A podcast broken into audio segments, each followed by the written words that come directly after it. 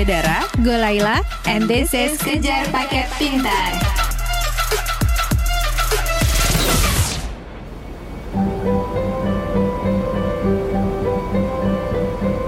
Bapak dan Ibu yang terhormat, selamat datang dalam pesawat Garuda Indonesia.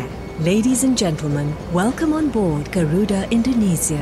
Sebelum terbang, kami akan menyampaikan aspek keselamatan dari pesawat ini. Before takeoff, let us enlighten you with the safety aspects of this aircraft. Silahkan tegakkan sandaran kursi. Please ensure that your seat is upright. Lipat meja, kembalikan layar video dan sandaran kaki ke tempat semula. Your personal video screen, tray table, and footrest are folded away. dan Dokter to Automatic and Cross Check. Selamat malam Bapak dan Ibu yang terhormat di sini dengan pimpinan penerbangan Anda. Captain Katanya Andriadi. kita harus cinta produk dalam negeri. Bener nggak? 16 tahun lalu, seorang aktivis punya pemikiran begitu. Maka pada 7 September 2004, ketika dia harus berangkat dari Jakarta ke Belanda untuk studinya, dia memilih terbang dengan Garuda Indonesia ketimbang maskapai Belanda. Ironisnya, dia malah mati dalam penerbangan bersama Garuda Indonesia tersebut. Hasil otopsi menyatakan ada racun arsenik mematikan di dalam tubuhnya. Penyelidikan bilang arsenik itu dicampur dengan orange juice yang dia minum saat penerbangan. Salah satu pilot senior Garuda Indonesia, Polikarpus Budi Hari Priyanto, diduga sebagai pelakunya. Walaupun sampai sekarang dalang pembunuhan ini belum terungkap.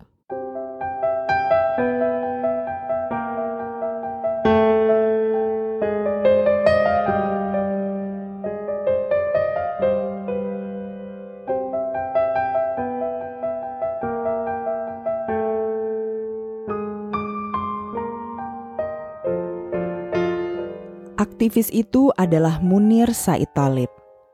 Cak Munir adalah aktivis HAM asal Malang. Cak Munir menjadi legendaris karena dia amat berani membela hak rakyat, terutama rakyat yang tertindas. Beberapa kasus yang sempat dia tangani adalah kasus pembunuhan di Tanjung Priok, pembunuhan Marsina, penembakan mahasiswa di Semanggi, dan penculikan aktivis serta mahasiswa oleh Kopassus di tahun 98. Semuanya adalah kasus pelanggaran HAM berat yang sulit karena melawan penguasa kuat. Tapi Cak Munir itu nggak pernah takut. Justru lawan-lawan Cak Munir yang takut. Karena pada 7 September 2004, Cak Munir dibunuh dengan cara diracun. Ia wafat di dalam kabin pesawat, di udara, meninggalkan seorang istri, dua anak, dan ratusan rakyat yang berduka. Sampai detik ini, dalang pembunuhan Munir belum ketahuan juga. Padahal dua tahun lagi ya, di tahun 2022, kasus ini akan kadaluarsa dan udah nggak bisa diproses lagi. meninggal di atas pesawat milik Garuda Indonesia dalam perjalanan menuju Amsterdam, Belanda. Sesuai ketentuan setempat, Institut Forensik Belanda kemudian mengatopsi jenazah Munir. Dua bulan kemudian, pemerintah Belanda mengumumkan hasil otopsi bahwa Munir tewas akibat racun arsenik. Istri Munir, Suciwati, sempat meminta keadilan dari Presiden Indonesia saat itu, Susilo Bambang Yudhoyono. SBY lalu berjanji akan menyelidiki kasus Munir. Sebuah tim dari kalangan masyarakat sipil dibentuk oleh Presiden. Tim bertugas membantu penyelidikan oleh polisi. Maret 2005, polisi menetapkan pilot Garuda Polikarpus sebagai tersangka. Dalam penerbangan Amsterdam-Jakarta, Polikarpus ditugaskan sebagai petugas keamanan internal oleh Direktur Garuda Indra Setiawan. Belakangan, Indra mengaku bahwa penempatan Polikarpus berdasarkan surat tugas yang diteken Wakil Kepala BIN Ashad Said Ali. Lewat podcast ini, kami kepengen memelihara ingatan lo tentang kematian Munir. Episode ini adalah hasil kerjasama dengan Museum HAM Omah Munir dan Amnesty International Indonesia. Sebelum kasus Munir kadaluarsa, kita bisa loh desak presiden untuk buka lagi kasusnya. Caranya dengan kunjungi situs bit titik ly garis miring pena munir kpp. Di sana ada template surat untuk presiden yang bisa langsung lo klik untuk kirim ke beliau. Semakin banyak surat yang terkirim, semakin besar juga kesempatan suara kita didengar.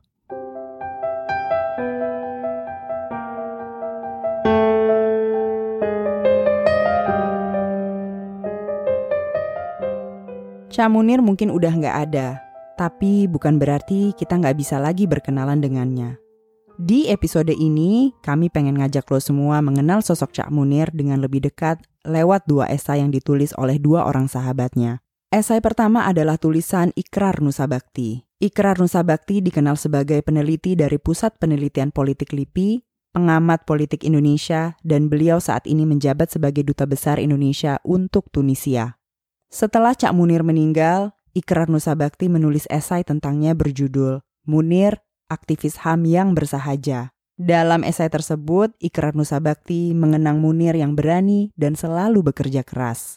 Berikut esai Munir, aktivis HAM yang bersahaja, karya Ikrar Nusa Bakti, dibacakan oleh aktris Dian Sastrowardoyo.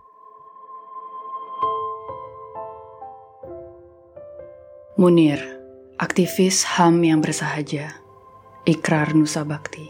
Penulis adalah staf peneliti LIPI, dosen pasca sarjana Universitas Indonesia. Persahabatan saya dengan Munir itu terlalu singkat, hanya enam tahun, tetapi penuh kenangan. Dalam enam tahun itu banyak kegiatan yang kami lakukan bersama-sama, baik dalam kegiatan-kegiatan yang terkait dengan Lembaga Ilmu Pengetahuan Indonesia (LIPI) maupun dalam reformasi sektor pertahanan. Di mata saya, Munir adalah sosok aktivis HAM yang bersahaja yang tidak pernah mengedepankan materi. Dalam setiap kegiatannya, dia selalu mengendarai motor bebek tua yang setia membawanya ke mana pun ia pergi, bahkan ke hotel-hotel mewah sekalipun.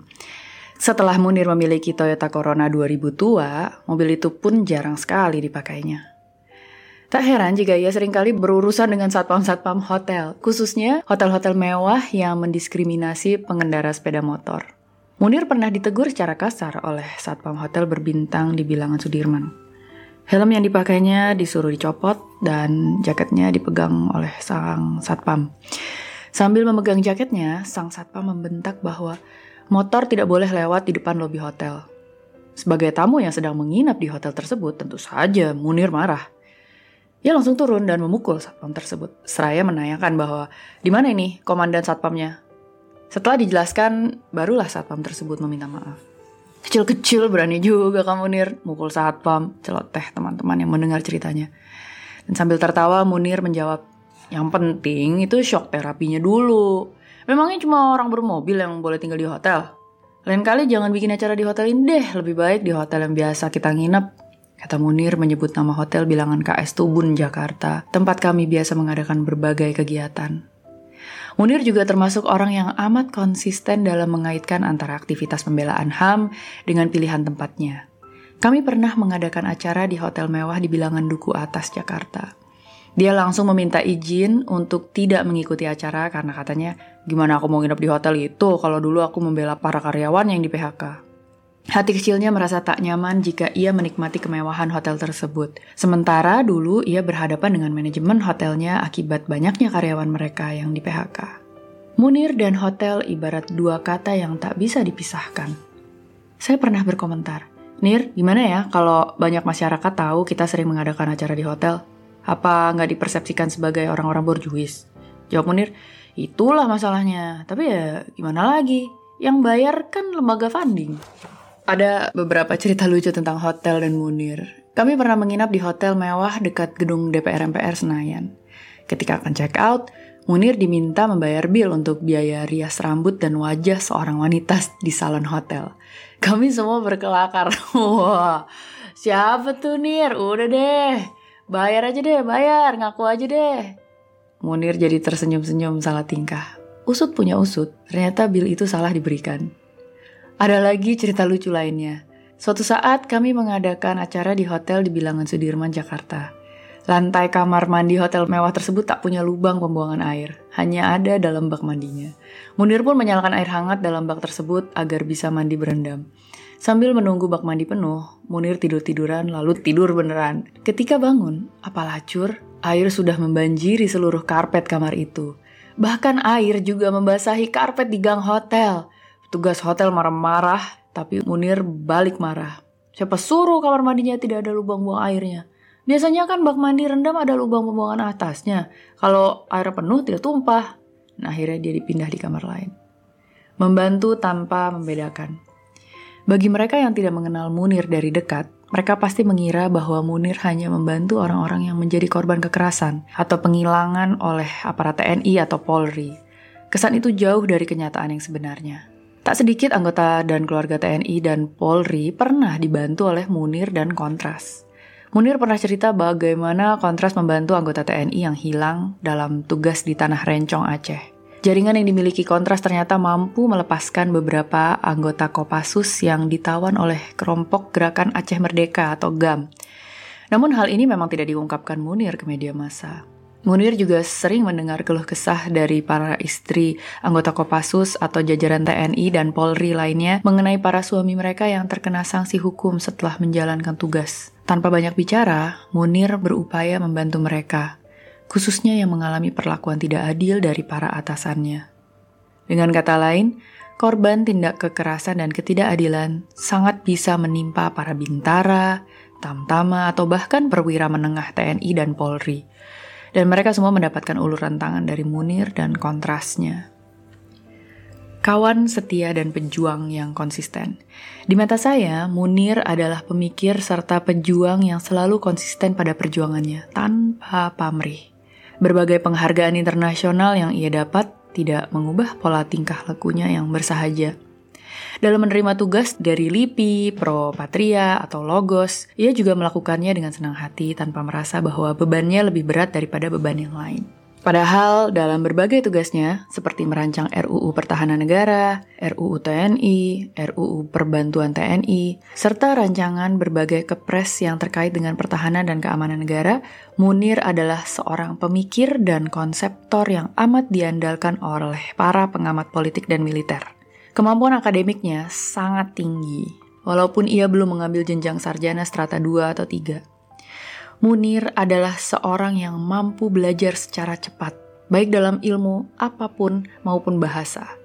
Ketika kami diundang oleh Arif Budiman untuk membicarakan hubungan Indonesia-Australia pasca Timur Timur di Melbourne pada tahun 2000, Munir masih menggunakan bahasa Indonesia dalam seminarnya.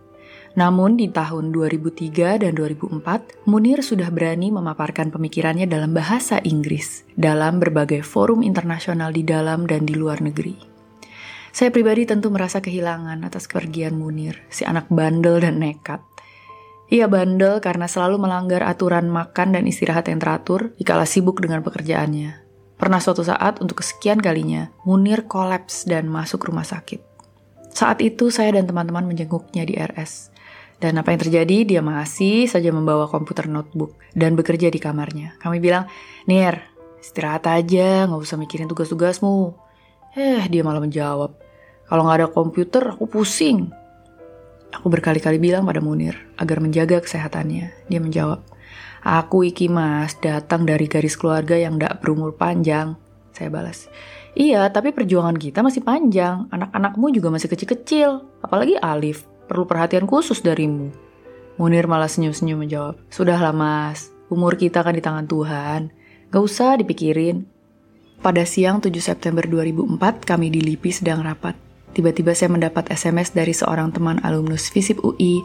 Isi pesannya, Innalillahi wa innalillahi rojiun telah meninggal dunia di pesawat dan dalam penerbangan Jakarta-Amsterdam, aktivis HAM, Saudara Munir. Saya kaget dan tidak percaya karena baru tiga hari sebelumnya saya bertemu Munir dalam pesta perpisahan yang diadakan Pro Patria untuknya di Hotel Santika. Saya langsung mengirim SMS kepada teman-teman di CSIS dan UI yang selama ini suka ngumpul. Tak lama kemudian saya menerima SMS dari seorang teman. Mas Ikrar, beritanya positif. Aku udah ngecek ke teman di KBRI Belanda. Saya langsung lemas. Sri Yanuarti, peneliti LIPI yang sering menggerecoki Munir dan amat dekat dengan Alif putra pertama Munir, langsung menangis sesungguhkan. Munir kita, mas. Munir kita. Masa sih Aku nyesel kenapa kemarin gak ikut Mas Ikrar ke acara perpisahan Munir.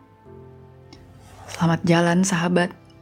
Kau bukan saja milik kontras atau imparsial, tapi juga milik bangsa Indonesia, bahkan sebagian dunia. Kau bukan saja sahabat yang baik, tapi juga suami dan ayah yang luar biasa. Ketimbang beristirahat sebentar di tengah tugas-tugas sucimu, ternyata kau lebih memilih untuk beristirahat panjang untuk selama-lamanya. Namamu akan tetap kami kenang. Perjuanganmu juga tidak akan mati kau bawa ke kubur, tetapi akan kami lanjutkan selama hayat masih terkandung badan. Semoga akan lahir munir-munir besar yang baru di negeri yang kita cintai ini. Mati satu, tumbuh seribu.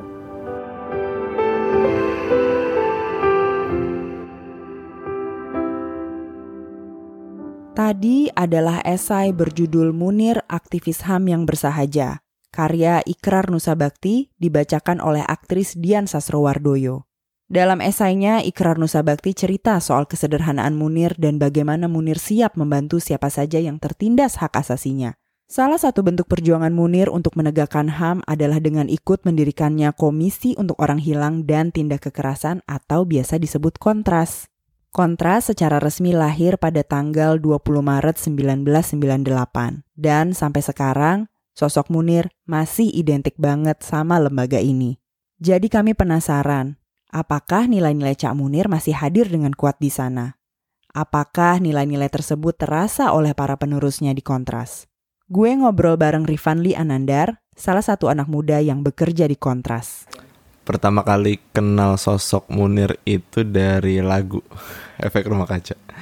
Ya pertama kali banget uh, mengetahui oh ada yang ternyata diracun di udara. Terus siapa sosok Munir? Nah dari situ pelan-pelan itu mulai mencari tahu. Waktu itu kalau nggak salah pertama kali itu 2009. Aware soal oh ada ya orang namanya Munir diracun di udara. Terus ada yang nyiptain uh, lagunya. Terus uh, saya coba ulik dari dari mana asal usulnya, kegiatan yang ngapain aja dan lain sebagainya. Paling tidak itu uh, orang tersebut punya arti entah bagi band itu ataupun uh, buat uh, publik secara lebih luas gitu. Karena waktu itu saya posisi belum tahu Munir itu siapa, ternyata dia punya uh, apa namanya uh, makna bagi banyak orang. Waktu udah gabung di dalam kontras, cerita apa aja yang pernah Rifanli dengar soal Munir dari senior-seniornya yang pernah bekerja langsung sama beliau? diskusi itu harus selalu jalan. Itu berdasarkan dari keterangan-keterangan senior-senior yang memang pernah bekerja bersama dengan Munir waktu itu masih di Borobudur. Uh, mereka bilang bahwa ada satu kebiasaan Munir itu memanggil orang-orang itu ke belakang. Jadi di Borobudur itu ada ruangan belakang dan di situ uh, tempat berdiskusinya semua uh, semua orang atau semua badan pekerja kontras dan uh, apa kebiasaan-kebiasaan itulah yang coba ditularkan uh, di mana pun kontras berada sampai di keramat dua ini. Jadi setiap isu nasional terus cara penyelesaian kasus itu selalu dibicarakan bersama-sama. Munir mewariskan tradisi-tradisi diskursus itu dalam penyelesaian sebuah kasus ataupun dalam membaca situasi yang terjadi di nasional. Kalau kata Ikrar Nusa Bakti, beberapa sifat Cak Munir yang menonjol adalah sederhana, rendah hati, dan selalu siap membantu sesama dari kalangan mana pun. Nilai-nilai ini masih Rifanli rasakan gak sih di kontras? Peristiwa yang tertulis di dalam uh, tulisannya Ikrar, dia menyebutkan, eh, dia mengkhawatirkan soal eh, rapat-rapat yang sering kali ada di hotel-hotel kayak gitu kan. Dan itu juga masih menjadi masih menjadi kekhawatiran gitu. Masalahnya ada di lapangan rapatnya ada di hotel gitu. Kalau uh, ditarik garis linear itu nggak nggak pas gitu kan. Masalahnya ada di lapangan kenapa ngobrolinnya di hotel? Dan mungkin itu akan terlihat atau terkesan berjuis juga gitu. Dan itu masih masih menempel juga nih benak beberapa orang yang ada di kontras gitu terutama uh, mereka yang mendapatkan uh, kesempatan atau pemahaman dari para senior-senior yang ngajarin soal kesederhanaan Nah, kesederhanaan dari sikap-sikapnya uh, Munir itu masih terus diikuti oleh badan pekerja kontras misalkan dengan penerimaan kasus. Beberapa kasus mungkin bisa dibilang bukan menjadi bagiannya kontras untuk dilakukan pendampingan gitu. Tapi kita tidak bisa uh, menolak begitu saja. Uh, paling tidak yang bisa kita lakukan ialah mencari uh, ruang yang tepat bagi dia untuk uh, melakukan advokasi kayak gitu. Jadi nggak ada yang namanya kasus ditolak sama kontras terus didiamkan begitu saja semua uh, coba diterima pola pola-pola seperti itu juga tadi ada di tulisannya ikrar uh, bahwa nilai-nilainya Munir untuk menangani orang-orang uh, menangani kasus-kasus itu tidak kenal sama status belaka. Gitu. Jadi semuanya coba didampingi sesuai dengan kapasitasnya kontras gitu. Sebagai generasi muda, kenapa sih Rifanli menganggap penting untuk generasinya mengenal sosok Munir? Setiap orang yang ingin melakukan sesuatu pasti dia akan mengukur uh, dampak langsungnya ke dirinya gitu. Tapi Munir tidak berpikir itu. Nah makanya penting bagi anak-anak muda untuk mengenal terus Munir. Dia melakukan sesuatu uh, di luar pekerjaannya sebagai memang aktivis, tapi dia melakukan itu demi keselamatan orang banyak demi publik gitu. Dia dekat dengan Polri, TNI, terus juga dia dekat juga dengan kelompok kelompok-kelompok rentan yang mana tujuannya sama untuk uh, solidaritas, untuk uh, kepentingan publik secara lebih luas lagi. Nah, nilai-nilai yang seperti itulah yang harus dikenal sama anak anak-anak muda zaman sekarang. Keberanian, hanya keberanian yang bisa memutus rantai relasi kuasa antara warga negara dengan negara Nah, Munir melakukan itu. Nah, maka dari itu eh, penting juga bagi anak muda untuk melihat sejauh mana relasi kuasa antara negara dengan warga negara itu ada dan mereka harus putus itu dengan modal keberanian selayaknya Munir melakukan kegiatan-kegiatan advokasinya. Mungkin bagi sebagian orang aktivis tidak atau uh, enggan untuk berdekatan dengan Polri ataupun TNI Nah, tapi di Munir ini saya melihat dia coba dekat dengan Polri dan TNI plus dengan kelompok-kelompok rentannya. Mungkin tujuannya untuk memudahkan alur advokasi juga. Yang kedua juga dapat membaca peta yang sebetulnya terjadi di lingkaran uh, Polri maupun di TNI dan itu uh, saya akui bahwa dia punya kemampuan di situ dan itulah yang saya pikir kayaknya betul juga atau uh, menarik juga kalau itu diikuti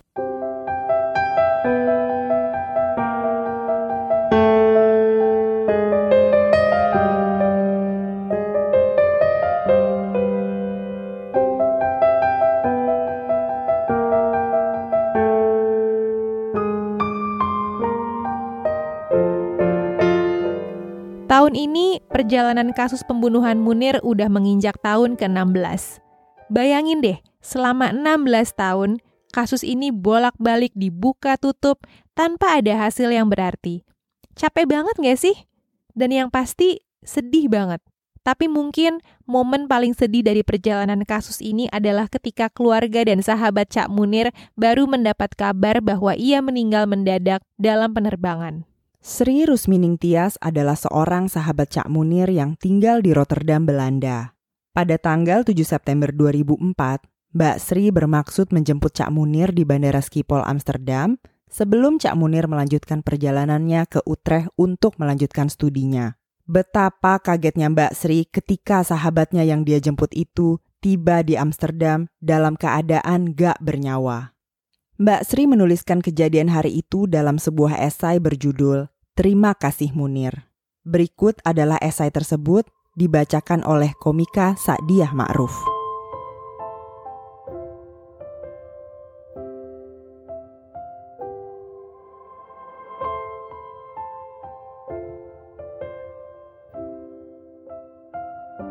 Terima kasih Munir engkau sudah memberikan lebih dari cukup kepada bangsa. Sri Rusmining Tias Tulisan ini aku buat sebagai peringatan lima tahun meninggalnya Munir, tanggal 8 September 2009. Dan aku tayangkan di Facebook. Jumat 3 September 2004 Aku dapat informasi dari Pungki kalau Munir akan tiba di Belanda tanggal 7 September. Pungki bilang, aku titip Munir ya mbak, tenan loh, aku titip dia. Kalau ada apa-apa, tolong dibantu ya. Yo, jangan khawatir. Senin 6 September 2004. Pagi hari aku telepon Munir di HP-nya. Cak, sampean kuwi janjane sida, apa ora sesuk nang Londo? Kok ora ono kabare? Oh, sida sida. Terus sidane numpak opo? KLM opo Garuda? Aku sidane numpak Garuda. Nek ngono, aku mbok di SMS nomor penerbangane terus jam piro mendarat nang Sipol. Yo, engko tak SMS yo. Matur nuwun yo, Cak. Sampai ketemu. Hati-hati.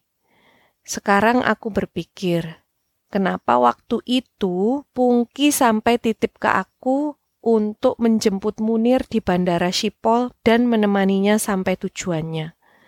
Pungki bahkan betul-betul pengen memastikan bahwa aku akan menjaga dia. Padahal Munir adalah orang yang sangat mandiri. Dia sering blebar-bleber terbang ke luar negeri sendirian, nggak pernah pakai acara dijemput segala. Selain itu, network dia di banyak negara, termasuk di Eropa, jauh lebih banyak daripada aku yang jarang ke mana-mana.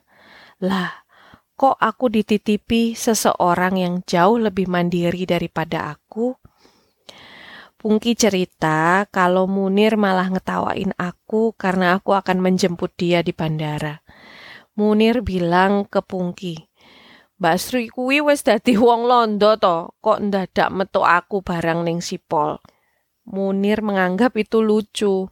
Dia cerita bahwa dia pernah harus ke Eropa dan cuma dikasih peta dan karcis oleh organizer acara. Tapi dengan peta tersebut dia bisa ke mana-mana sendirian, nggak perlu diantar jemput segala. Lah kok sekarang dia harus dijemput segala? Tapi Pungki tetap ngotot kalau Munir harus aku jemput di Sipol. Aneh kan?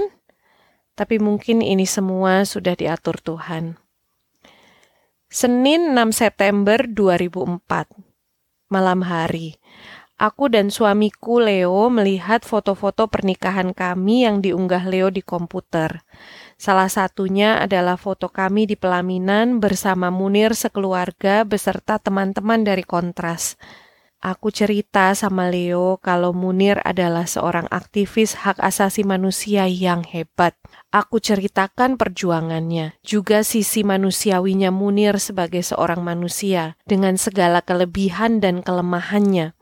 Yang jelas, bagiku Munir adalah orang yang berani berjuang melawan tindak kekerasan, membela yang lemah, serta berani berteriak bagi mereka yang voiceless aku usul sama Leo. Bagaimana kalau nanti Munir sudah mulai kuliah di Utrecht, sekali-kali kami tengok atau undang dia ke rumah untuk makan-makan.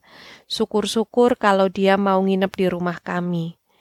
Leo bilang, that's a good idea. Bagiku, Munir tidak hanya seorang teman, tapi juga aset bangsa yang berharga. Selasa 7 September 2004 Pagi-pagi aku sudah bangun. Sebelum berangkat ke bandara, aku memanggang roti tuna dulu untuk dikasih ke Munir. Siapa tahu dia belum sarapan di pesawat. Kalau dia nggak mau, yo tak emploe. Belum jam 6 pagi, aku sudah berangkat ke Rotterdam Central Station. Dari sana, aku beli karcis kereta ke Schiphol. Aku sempat berpikir lebih baik beli tiket PP karena harganya lebih murah tapi kemudian aku memutuskan untuk membeli karcis sekali jalan saja. Siapa sangka, ternyata kalau waktu itu aku beli karcis PP akan percuma saja. Karena akhirnya Munir tidak naik kereta bersamaku. Setelah dapat karcis, aku naik ke peron.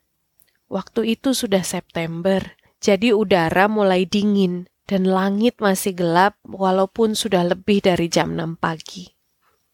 Dalam hati aku membatin, nanti kalau aku ketemu Munir, aku akan bilang, Ne ora sampean aku mau metuk.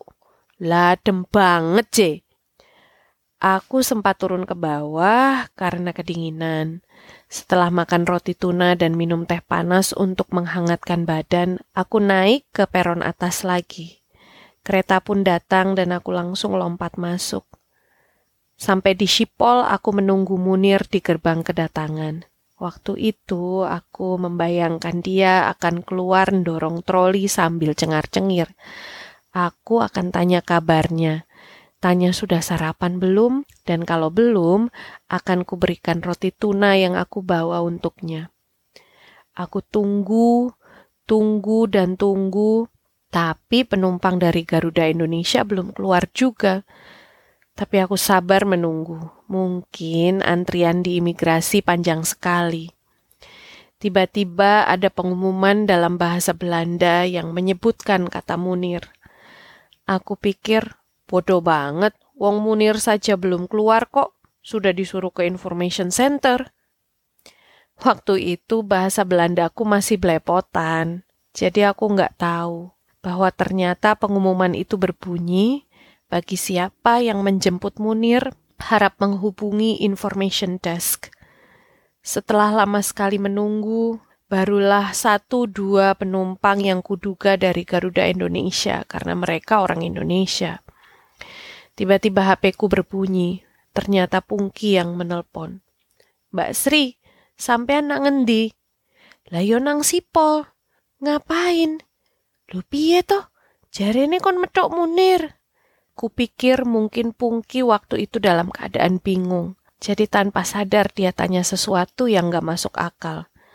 Nang si Pole nang endi? Nang ngerep arrival gate. Wes ketemu Munir. Yo durung, aku saya nunggu Munir metu kok gerbang. Di sini kami dapat informasi, mungkin rumor.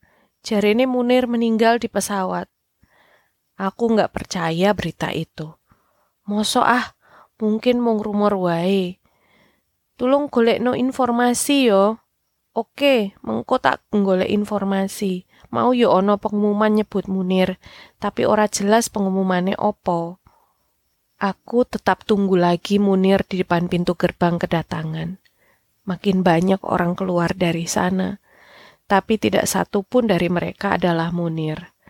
Ada pengumuman lagi dalam bahasa Inggris yang menyebutkan kata Munir tapi aku nggak begitu memperhatikan pengumumannya karena aku masih berharap Munir keluar dari gerbang bersama trolinya.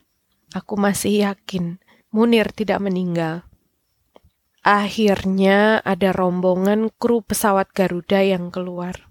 Aku samperin mereka. Saya menjemput Munir. Tadi saya dapat informasi kalau Munir meninggal. Apakah informasi tersebut betul? Seorang pramugari menjawab, Betul, memang Munir meninggal. Tapi untuk berita resminya silakan hubungi Garuda. Aku mulai panik dan berusaha menahan tangis. Aku lari mencari information desk. Aku bilang sama mbak di information desk kalau aku penjemput Munir. Dan aku mendapat informasi kalau Munir meninggal di pesawat. Dia menjawab Please ask the three gentlemen standing outside. Aku celingukan mencari three gentlemen yang dia sebut. Dan kemudian memang ada tiga orang laki-laki menghampiriku. Satu orang berpakaian jas hitam dan dua orang lagi berpakaian seragam polisi warna biru.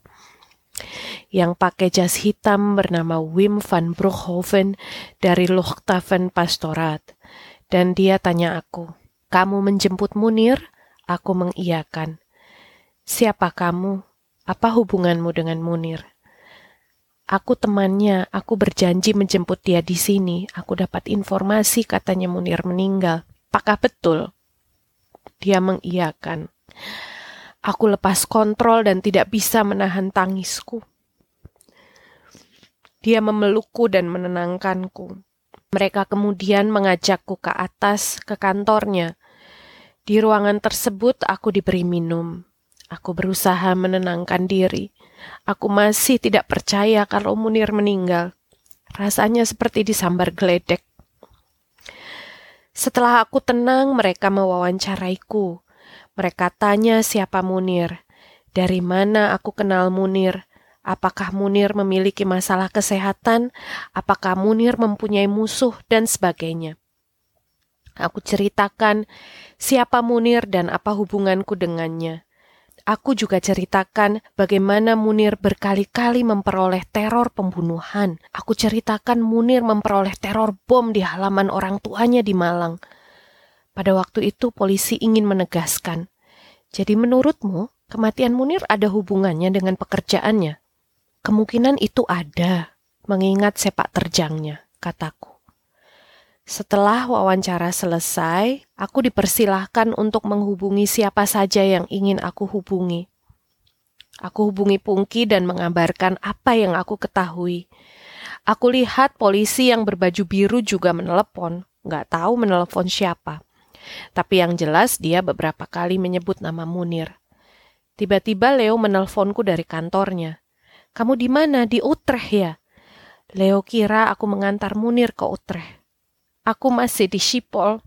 Munir meninggal dunia. Tangisku meledak lagi. Leo kaget luar biasa. Oke, aku segera ke Schiphol. Tunggu aku di sana. Selama menunggu Leo, aku masih terus berhubungan dengan Jakarta. Aku belum diizinkan untuk melihat jenazah Munir di mortuarium. Meneer Wim van Broekhoven mengatakan lebih baik menunggu Leo. Setelah Leo datang, kami akhirnya bersama-sama ke mortuarium. Di sana sudah menunggu dua orang detektif dari The Royal Netherlands Markhouse. Ternyata polisi berbaju biru kami temui sebelum menyerahkan kasus ini, karena kasus ini dianggap penting. Kematian Munir dianggap cukup mencurigakan. Salah satu detektif meminta kami untuk mengidentifikasi jenazah. Apa betul itu memang Munir? Tapi dia bilang sama aku, yang boleh masuk ruangan duluan adalah suamimu, bukan kamu. Aku langsung protes. Kenapa? Aku kan malah temannya Munir. Karena kamu temannya Munir, maka kamu sebaiknya masuk setelah suamimu. Kalau kamu masuk duluan, dikhawatirkan kamu akan histeris. Jadi biarkan suamimu dulu yang mengidentifikasi jenazah tersebut. Maka akhirnya Leo masuk duluan. Setelah menunggu beberapa lama, aku baru dipersilahkan masuk. Aku masih ingat sekali apa yang terjadi waktu itu. Aku memasuki ruangan dan jenazah ada di sebelah kiriku. Aku tidak mau menengok ke arah jenazah tersebut karena pada detik itu hatiku masih menolak kalau Munir sudah meninggal. Aku memandang ke depan, ke arah Leo. Aku menatap matanya dan berharap Leo akan menggeleng. Tapi ternyata Leo mengangguk. Aku langsung menengok ke kiri, dan betul, yang terbaring kaku di tempat tidur itu adalah Munir yang sudah tidak bernyawa. Langsung meledaklah tangisku. Munir, Munir, kamu kok ninggalin aku? Kita kan sudah janji akan ketemu. Kok sekarang kamu pergi? Munir. Leo memeluk aku dengan erat, matanya berkaca-kaca. Kami berdiri memandangi jenazahnya yang diam membisu. Untuk menenangkan diri, aku berdoa dan berdoa. Masih terbayang perjuangannya, masih terbayang dia sekeluarga menghadiri pernikahan kami, masih terbayang hal-hal yang pernah dia katakan padaku. Ketika sudah mulai tenang, kedua detektif itu mewawancarai kami berdua. Kami menceritakan apa yang kami ketahui tentang Munir. Setelah mendengar cerita kami, kedua detektif tersebut bermaksud untuk mengadakan pemeriksaan selanjutnya, yaitu otopsi. Mereka betul-betul ingin tahu apakah kematian Munir terjadi secara wajar atau tidak. Mereka meminta izin kepada pihak keluarga, tapi sebagai catatan, menurut hukum Belanda, otopsi tetap dilanjutkan walaupun keluarga tidak setuju. Dasarnya sangat sederhana, yaitu bagaimana kalau keluarga terlibat dalam kematian Munir. Untungnya, keluarga dan organisasi justru mendukung adanya otopsi. Pada hari itu kami sudah memperoleh kepastian juga bahwa Suciwati, Pungki, Usman Hamid, Ucok, serta saudara Munir sudah memperoleh tiket dan akan tiba di Sipol pada tanggal 9 September 2004 untuk menjemput jenazah. Kami semua bersiap-siap menerima kedatangan mereka. Kamis 9 September 2004. Jam 3 pagi, Leo dan aku berangkat dari rumah ke Sipol. Kami tiba di Sipol jam 4 pagi, sesuai dengan waktu yang kami sepakati. Selain Marek Haus dan Menir Wim van Broekhoven, di sana juga ada wakil dari ICCO, lembaga yang memberi beasiswa kepada Munir. Kami membawa foto pernikahan kami yang sebetulnya mau aku berikan kepada Munir. Dalam foto itu ada gambar Munir, Suci, Pungki, dan Usman atau orang-orang yang akan menjemput jenazah Munir. Kami perlihatkan foto tersebut kepada Marihaus dan Menir Wim van Broekhoven supaya mereka tahu wajah orang-orang yang akan mereka jemput. Kemudian kami memasuki ruang tunggu di Schiphol setelah melalui berbagai macam pintu pemeriksaan. Kemudian kami memasuki ruang tunggu di Schiphol setelah melalui berbagai macam pintu pemeriksaan. Pihak Marehaus meminta aku menunggu di depan pintu agar ketika yang kami tunggu sudah kelihatan mereka harus digiring untuk tidak keluar ruangan. Pada tanggal 10 September, teman-teman sudah bisa membawa jenazah ke tanah air. Tapi perjalanan belum berakhir, masih banyak sekali yang harus dilakukan, baik di Belanda maupun di tanah air. Kami memperoleh informasi kalau hasil otopsi menunjukkan bahwa Munir teracuni arsenik dan disimpulkan ada pihak yang mau membunuh Munir. Menurut informasi yang aku terima, death on board di Schiphol terjadi pada sekitar 200 orang per tahun. Tidak semua ditindaklanjuti seperti kasus Munir, karena tidak semua kematian dicurigai sebagai kematian yang tidak wajar. Ada satu hal yang ada di benakku setelah mengalami kejadian ini yaitu tangan Tuhan tidak bisa dilawan. Kalau seandainya Pungki tidak memintaku untuk menjemput Munir, aku yakin jenazah akan langsung diserahkan kepada KBRI, lalu dipulangkan ke Indonesia tanpa otopsi. Tapi Allah tidak membiarkan dia meninggal begitu saja. Tanpa ada suatu tindak lanjut.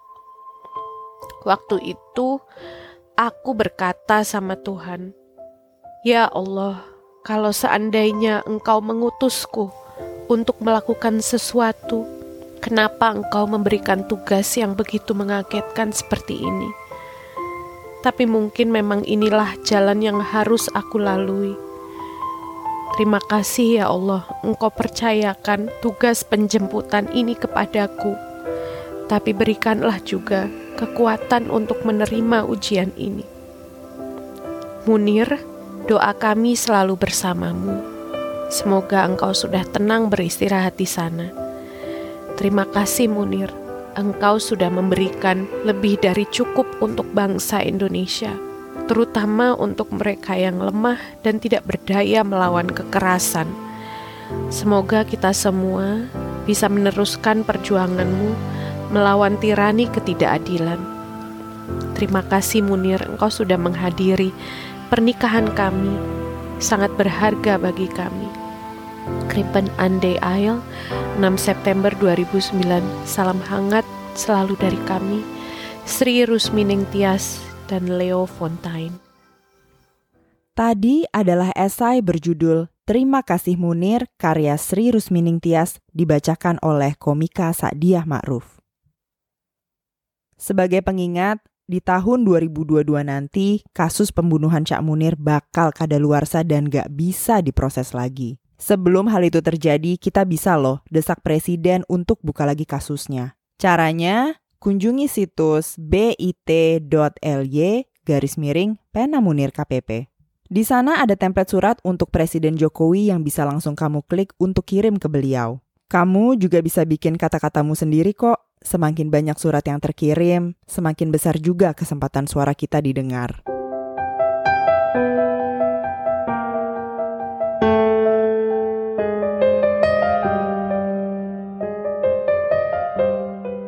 Dalam cerita Mbak Sri tadi, salah satu teman yang menjemput jenazah Munir pulang ke Indonesia adalah seseorang bernama Usman. Usman yang dimaksud adalah Usman Hamid, Direktur Eksekutif Amnesty International Indonesia. Dulu Pak Usman kerja bareng Cak Munir di Kontras dan sempat tergabung dalam tim pencari fakta kasus almarhum. Kepada Kejar Paket Pintar, Usman Hamid cerita tentang pengalamannya menjemput jenazah Cak Munir di Belanda sekaligus mengurus kasus kematian almarhum yang penuh kejanggalan. Ya mungkin saya mulai dari eh, tanggal 7 ketika mendengar kabar eh, kematian almarhum gitu ya. Itu sekitar siang atau menjelang sore itu saya sedang ada di sebuah seminar saya mendapat telepon bahwa Munir meninggal dunia di atas pesawat uh, dan telepon itu saya peroleh dari teman di Kontras yang mendapatkan kabar dari kantor Garuda.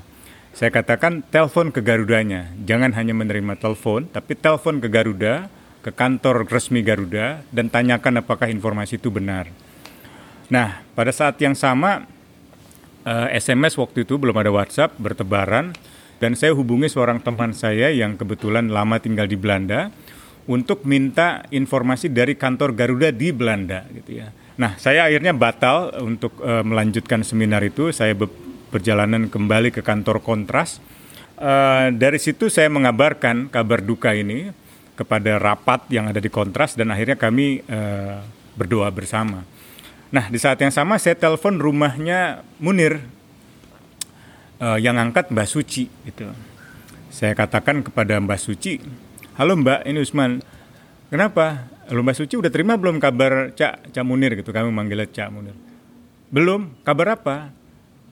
Beneran Mbak Suci belum belum terima kabar? Bener. Belum apa? Kabar apa? Kabar apa gitu? Saya nanti aja Mbak, aku ke rumah aja. Enggak kabar aja. Kabar kabar apa aja Usman? Nanti mbak aku ke rumah aja mbak gitu. Jadi saya juga nggak tega ngasih tahu di kabar di dalam telepon itu gitu. Saya langsung ke rumahnya. Nggak lama kita dapat kabar memang um, benar gitu uh, meninggalnya Munir itu. Malam itu kita berkumpul di rumah Mbak Suci gitu ya. Banyak orang datang ke rumah itu ibu saya sendiri juga datang. Dan akhirnya besok paginya itu tanggal 8 di hari tanggal 8 itu kami akhirnya menggelar rapat gitu ya, seharian dan memutuskan untuk berangkat ke Belanda menjemput jenazah uh, marhum Munir. Ya. Dan waktu itu yang uh, salah satu yang terpilih saya gitu. Ada yang lainnya ada rekan Ucok dari Imparsial dan Pungki juga ada kakaknya Munir singkat saya itu uh, Rashid gitu ya.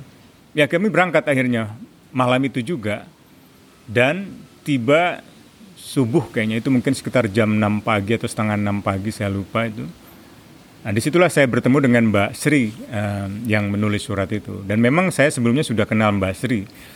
Karena waktu pernikahan juga saya hadir uh, pernikahannya Mbak Sri dengan uh, suaminya. Um, lalu, tapi saya belum bisa langsung bertemu dengan Mbak Sri karena waktu itu saya, Mbak Suci, kemudian Mas Rashid dan juga teman-teman yang lain itu kita nggak boleh menemui siapa pun dulu uh, karena kita di seperti dikawal ya oleh polisi gitu. Turun dari pesawat kami udah lihat wah ini banyak polisi nih. Polisi Belanda gitu. Dan dan kami merasa kayaknya ada nggak beres nih gitu. Tapi kan belum ada kabar meninggalnya kenapa gitu ya. Akhirnya kami digiring ke suatu tempat uh, lalu satu persatu kami ditanyakan terutama Mbak Suci gitu.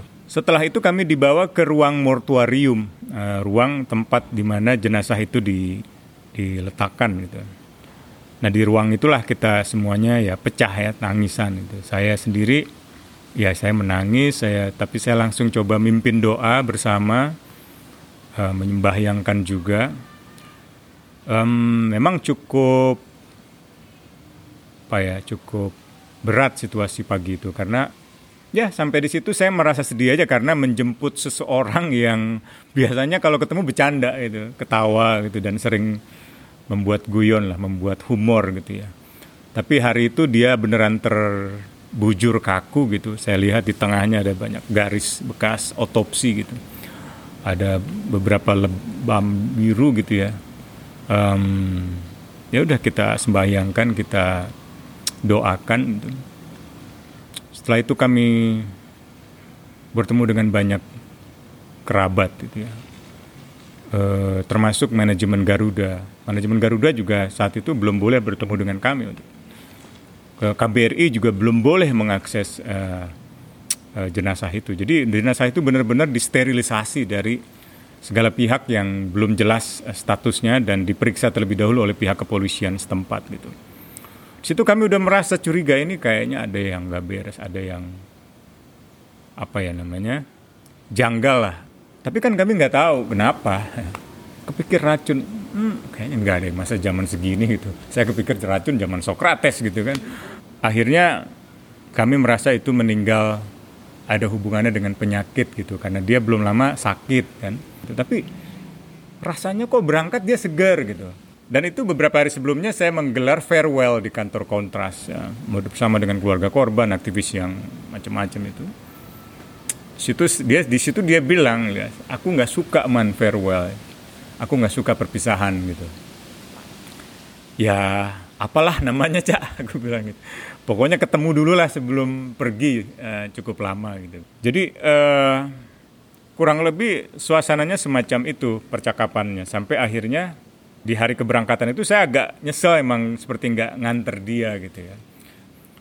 Udah saya ketemu Mbak Mbak Sri eh, di pagi itu um, setelah dibolehkan oleh pihak otoritas keamanan di bandara, ya kita berpelukan semuanya kita berpelukan nangis gitu ya cerita cerita. Kok bisa ya gitu? Kemarin seger banget gitu kan.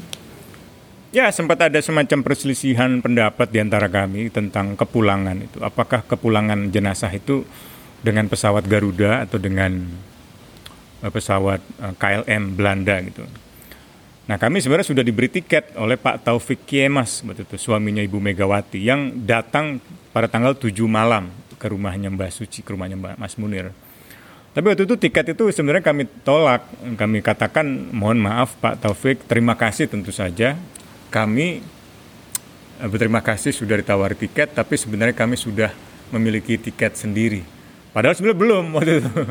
Cuman waktu itu waktu sebelum kita saya menyampaikan itu kami bikin kesepakatan lah supaya tidak ada hutang budi kepada siapa pun gitu. Kami ingin menanggung semua urusan pemakaman ini sendiri gitu, termasuk tiket gitu. Akhirnya ya kita semua ikut Mbak Suci, gitu. saya juga setuju. Waktu itu Mas Rashid dari keluarga Munir nggak keberatan dibawa lewat eh, Garuda Indonesia, tapi kami keberatan lah karena sekedar untuk memberi jarak aja. Sekaligus insting juga waktu itu nih kayaknya ada yang nggak beres gitu. Dan ya sudah akhirnya berlalu begitu. Uh, hari itu juga kami bawa pulang. Jadi saya hari itu juga pulang kembali ke Jakarta dengan jenazah itu. Bahkan bukan hanya ke Jakarta langsung ke Malang itu. Ya saya sempat ketemu ibu saya dulu di bandara. Ibu saya paling semangat. Ini cerita unik ibu saya. Ibu saya dulu paling takut kalau saya kerja sama kontras saya menduga ibu saya telepon saya dan akan meminta saya berhenti. Ternyata enggak, dia paling semangat. Dia hari itu datang ke rumah Munir, dia pada saat saya udah di bandara, dia datang ke bandara, bahkan dia ikut sampai ke pemakaman di Batu. Dan ibu saya cukup cukup sepuh gitu dalam arti usia ya.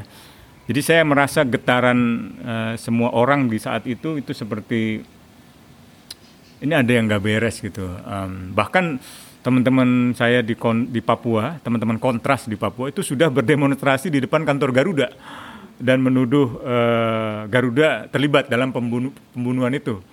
Padahal waktu itu belum ada kabar bahwa itu diracun atau enggak gitu. Jadi ada semacam reaksi-reaksi semacam itu di kantor di kantor kontras itu ada semacam bunga kan yang banyak sekali termasuk ungkapan-ungkapan duka. Salah satunya ungkapan itu datang dari Sri Bintang Pamungkas uh, yang cukup vokal, seorang dosen sebenarnya. Cukup vokal dan di situ dia menulis 100% saya yakin kau dibunuh kawan gitu.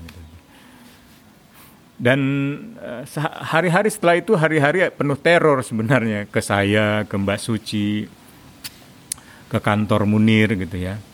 Termasuk dikirimi ayam bangkai gitu, bangkai ayam yang bertuliskan jangan libatkan TNI dalam kasus ini. Kalau tidak, kamu akan seperti ini gitu. Teror ke saya, ke SMS gitu. Surat kaleng ke kantor kontras itu juga me menuduh saya anti Ibu Pertiwi, anti NKRI, Munir, anti TNI gitu. Kok kita bilang ini kenapa ada TNI TNI-nya gitu ya? Seperti kita diajak untuk menuduh bahwa yang terlibat dalam pembunuhan Munir ini pasti TNI gitu masuk akal karena memang selama hidupnya Munir banyak mengkritik TNI gitu karena keterlibatan TNI di dalam politik dalam pelanggaran HAM, penculikan aktivis sampai dengan keterlibatan di dalam uh, persengketaan-persengketaan tanah dengan masyarakat gitu di berbagai wilayah gitu. Tapi kami terbiasa di kontras itu dengan merujuk data, bukti, hasil investigasi gitu sehingga uh, rumor semacam itu itu kami tidak dengarkan gitu. Mestinya kami dengarkan, dengan kata lain kami harus segera melakukan investigasi yang cepat ketika itu untuk mengumpulkan informasi sebanyak mungkin sehingga tidak sedikit informasi yang bisa hilang gitu. 65 hari kemudian kita dengar kabar bahwa pemerintahan Belanda mengirimi surat kepada pemerintah Indonesia bahwa ditemukan uh, racun arsen yang berjumlah uh, apa dalam dosis yang mematikan di tubuh Munir di lambung ada 260 mg per liter, di urin, di darah gitu. Nah hari itu kami beneran marah. Gitu. Marah dalam arti ini kayaknya pembunuhan bener ini dan akhirnya besoknya lagi akhirnya kami putuskan berangkat ke Belanda untuk mengambil sampel-sampel jenazah, eh, sampel-sampel organ tubuh Munir itu. Dan saya kembali ditugaskan untuk ke Belanda lagi itu 13-14 November. Pas lebaran singkat saya itu. Misalnya seor, seseorang penumpang itu eh, terindikasi eh, terkena racun, maka protokol umum di dalam penerbangan itu diturunkan di sebuah bandara yang terdekat untuk diselamatkan, dimasukkan ke rumah sakit, dan masih mungkin bisa diselamatkan itu. Tapi karena penerbangan darurat itu tidak pernah dilakukan dan kami sangat menyesalkan kenapa tidak ada pendaratan darurat. Itulah sebabnya kami gugat Garuda juga dan kami menang di pengadilan. Garuda difonis bersalah dan dihukum denda itu. Memang gugatan perdata. Gitu.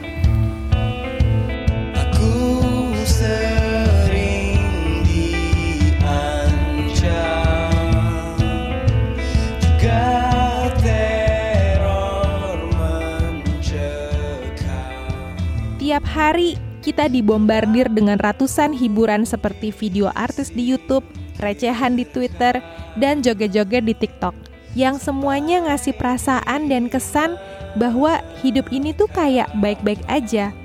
Negara ini terkesan baik-baik aja. Padahal kalau boleh jujur, berapa persen sih pendengar podcast ini yang tahu soal kasus pembunuhan di Tanjung Priok, pembunuhan Marsinah, penembakan mahasiswa di Semanggi, dan berbagai kasus pelanggaran HAM yang gak selesai lainnya. Dulu, almarhum Munir selalu mengingatkan kita bahwa negara gak pernah baik-baik aja. Banyak banget warga kita yang tertindas tapi suara mereka tenggelam. Hilang di tengah hiruk pikuk hiburan media dan aksi politik pejabat negara. Semoga kita sadar bahwa mendiamkan penindasan atau kejahatan sama aja dengan berpartisipasi di dalamnya. Kunjungi situs bit.ly garis miring pena munir KPP dan kirim surat ke Presiden untuk mendorong penyelesaian kasus Munir yang by the way udah lama banget dijanjiin bakal diurus tapi nggak pernah terjadi. Semakin banyak surat yang terkirim, semakin besar juga kesempatan suara kita didengar. Munir dijemput terlalu pagi, tapi jangan biarkan semangatnya ikut mati. Kami Laila dan Dara dari Kejar Paket Pintar dan episode ini turut dipersembahkan oleh Museum HAM Omah Munir serta Amnesty Internasional Indonesia.